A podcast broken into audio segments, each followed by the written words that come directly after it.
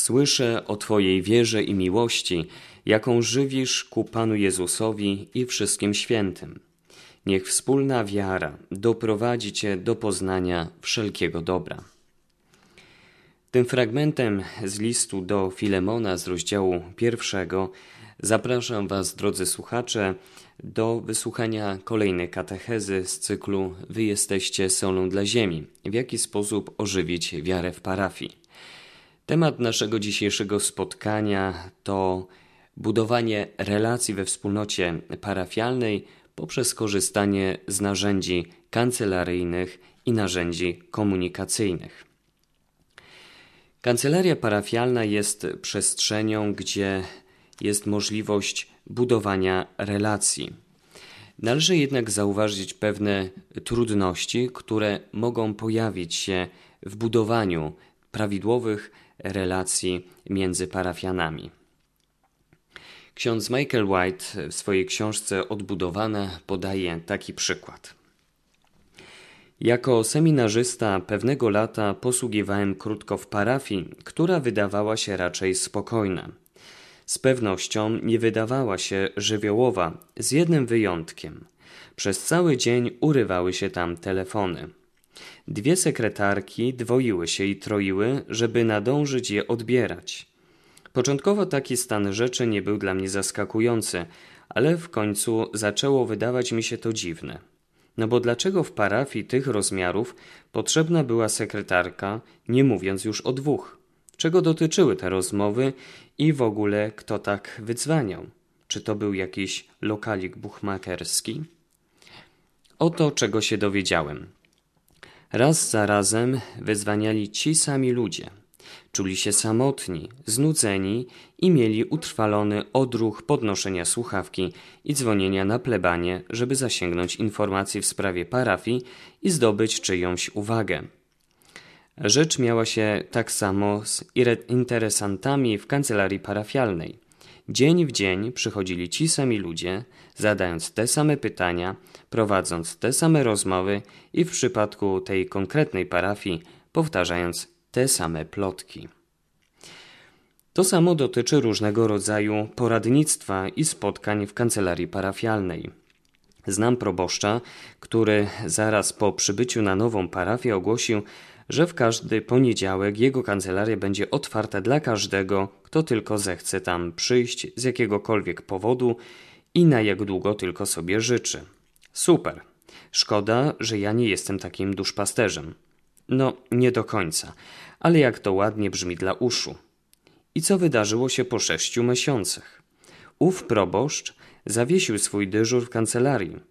Przychodził do niego, przychodzili do niego ciągle ci sami ludzie z tymi samymi problemami, na które on nic nie mógł poradzić i z którymi ci ludzie nie mieli zamiaru nic robić, poza narzekaniem przed proboszczem. Ważne jest więc, jakie osoby przychodzą do kancelarii i kancelarialna może stworzyć przestrzeń do narzekania i plotkowania. Kolejny aspekt związany z kancelarią parafialną to pomieszczenia, które powinny być przestrzenią otwartą. Kolejny przykład z książki Odbudowana. W parafii Narodzenia jako główna katechetka pracowała kiedyś kobieta, która nie tylko miała właśnie taką skłonność, ale tę skłonność wyniosła do poziomu wyższej formy artystycznej. Jako jedna z osób z największym stażem pracy w parafii miała drugie co do wielkości biuro, zaraz po proboszczu. Było rzeczywiście dość duże, co odkryłem po tym, jak jej podziękowaliśmy. Zaglądając do jej biura, dosłownie nie sposób było jej dostrzec spoza stert rupieci, pudeł z rupieciami i półek pełnych rupieci. Była tam kolekcja lalek i pluszowych maskotek oraz całoroczna ekspozycja bożonarodzeniowa, w skład której wchodziła choinka z malutkimi mrugającymi światełkami. Należała do tego rodzaju kobiet. Trzeba było ostrożnie przedzierać się przez labirynt nagromadzonych przez nią rzeczy, żeby ją znaleźć. Siedziała sobie w samym centrum tego labiryntu, wspaniale odizolowana, robiąc cokolwiek tylko chciała. Co nawiasem mówiąc obejmowało grę w pasjansa i wiszenie na telefonie z drugą katechetką. Pomieszczenia, z których powinni korzystać parafianie, co też dotyczy kancelarii parafialnej, powinny być przestrzeniami otwartymi. Możecie też przyjrzeć się lśniącym współczesnym przestrzeniom biurowym takich firm jak Apple, Google, CNN czy Facebook, jak czytamy w książce Odbudowana. Wszystkie z nich charakteryzuje otwarty plan. Wszyscy pracują tam razem w tej samej przestrzeni z wydzielonymi i przylegającymi do siebie pomieszczeniami, przeznaczonymi do konferencji i spotkań. Żadnych gniazd i prywatności w przestrzeni przeznaczonej na pracę grupową. Spośród wspólnot odnoszących największe sukcesy i odnotowujących największy wzrost w naszym kraju, które odwiedziliśmy, wszystkie mają ten sam plan. Kolejny aspekt związany z kancelarią parafialną to opróżnianie koszy. Mianowicie w każdej e, wspólnocie parafialnej ważne jest też podejście e, pracowników do swoich obowiązków. Ksiądz Michael White podaje kolejny przykład. Kiedy przyszedłem na parafię narodzenia, na plebanii na pełnym etacie zatrudniona była gosposia. Wątpię, żeby ktokolwiek w całej naszej parafii zatrudniał gosposię na cały etat, ale ja zatrudniałem. Dlaczego? Dlaczego serwowano mi codziennie obiad i kolację? A kimże ja byłem, jak nie proboszczem podupadającej parafii? W parafii, której rozpaczliwie brakowało środków finansowych i pracowników, ja zatrudniałem gosposię. Co w tym było nie tak? W niektórych domach gosposia jest potrzebna, w moim nie była. Czasami te aspekty naszej posługi, które nie są poddawane ocenie, powinny zostać jej poddane i być może zmienione lub porzucone, chociażby po to, żeby zrozumieć, że czas, kiedy wszystko było po staremu, już minął jakieś 40 lat temu. Pomijając nieruchomości, które mają znaczenie historyczne, to czyż nie przeminęły już dni okazałych plebanii i ogromnych pomieszczeń biurowych? Nie do końca wiadomo, kiedy owe dni w ogóle nastały, jeśli wziąć pod uwagę zalecenia, które sam Jezus zostawił uczniom. Czy w obliczu tak wielu trudnych wyzwań nie powinniśmy do pracy w parafii podejść z większą skromnością, prostotą i w duchu bardziej misyjnym? I czy już samo takie podejście nie byłoby wyraźnym komunikatem, że robimy rzeczy po nowemu?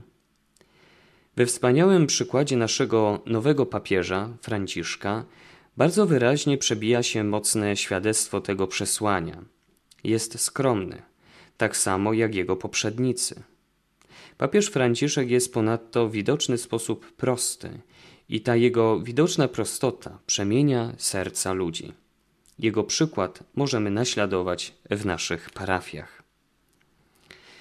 I tutaj ważne jest zadanie sobie pytania, kto opróżnia kosze czy osoba, która posługuje w parafii, czy też w kancelarii parafialnej, jest zdolna do tego, żeby sama opróżni, opróżnić kosz, czy może jest nastawione, że ktoś inny to zrobi. Ci, którzy posługują, powinni odkrywać zdolność do opróżniania własnych koszy. Jeżeli chodzi o kancelarię parafialną, chciałbym jeszcze tutaj podać taki piękny przykład, który usłyszałem od jednego proboszcza e, naszej diecezji. Mianowicie ten proboszcz, kiedy petenci przychodzą do kancelarii parafialnej, na zakończenie spotkania modli się z nimi. To jest bardzo piękny moment, że kancelaria parafialna nie jest wyłącznie biurem, ale spotkaniem, gdzie można spotkać się także z Bogiem.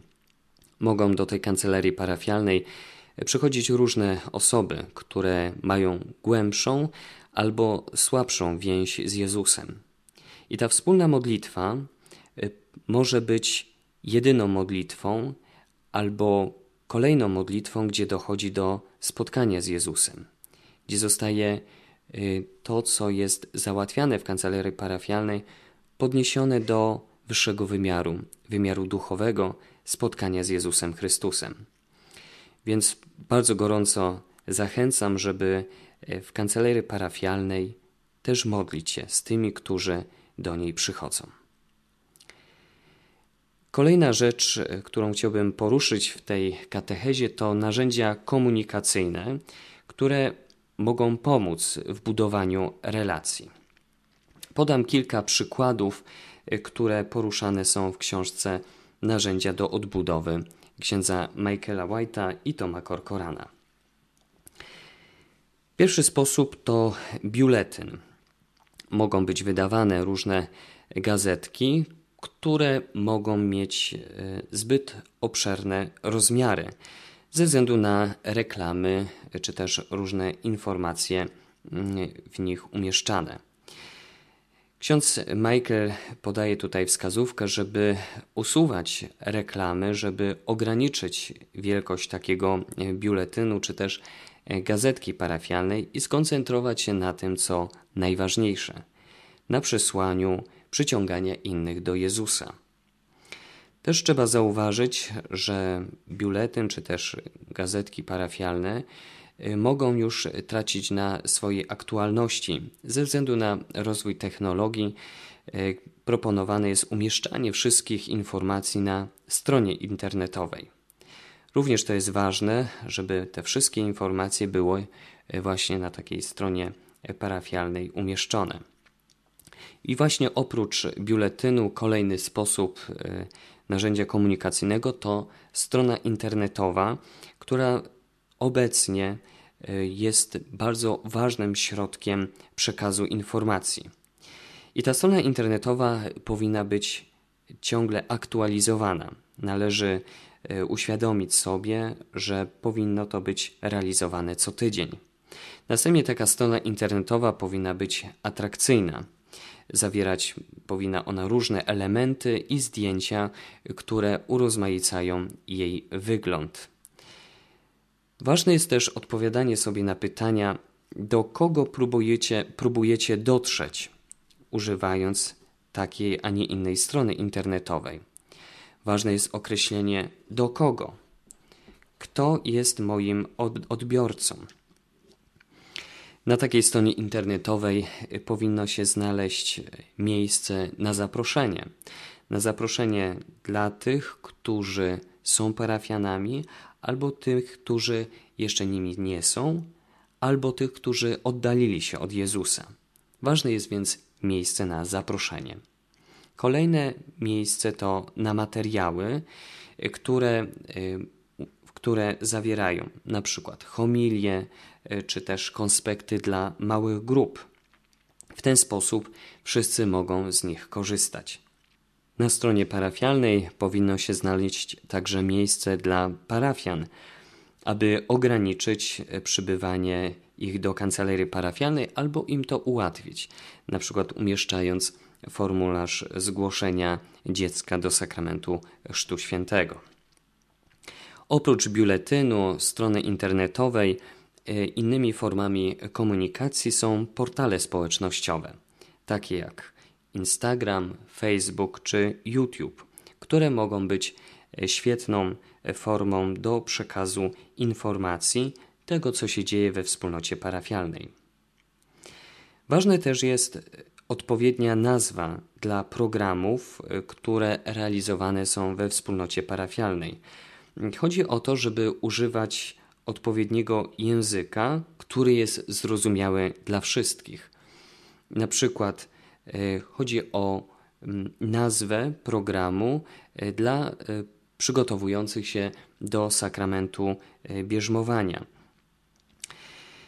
Tutaj ksiądz Michael White i Tom Corcoran podają różne nazwy programów, które mają przyciągać parafian e, czy też inne osoby do wzięcia w nich udziału. Oto kilka przykładów.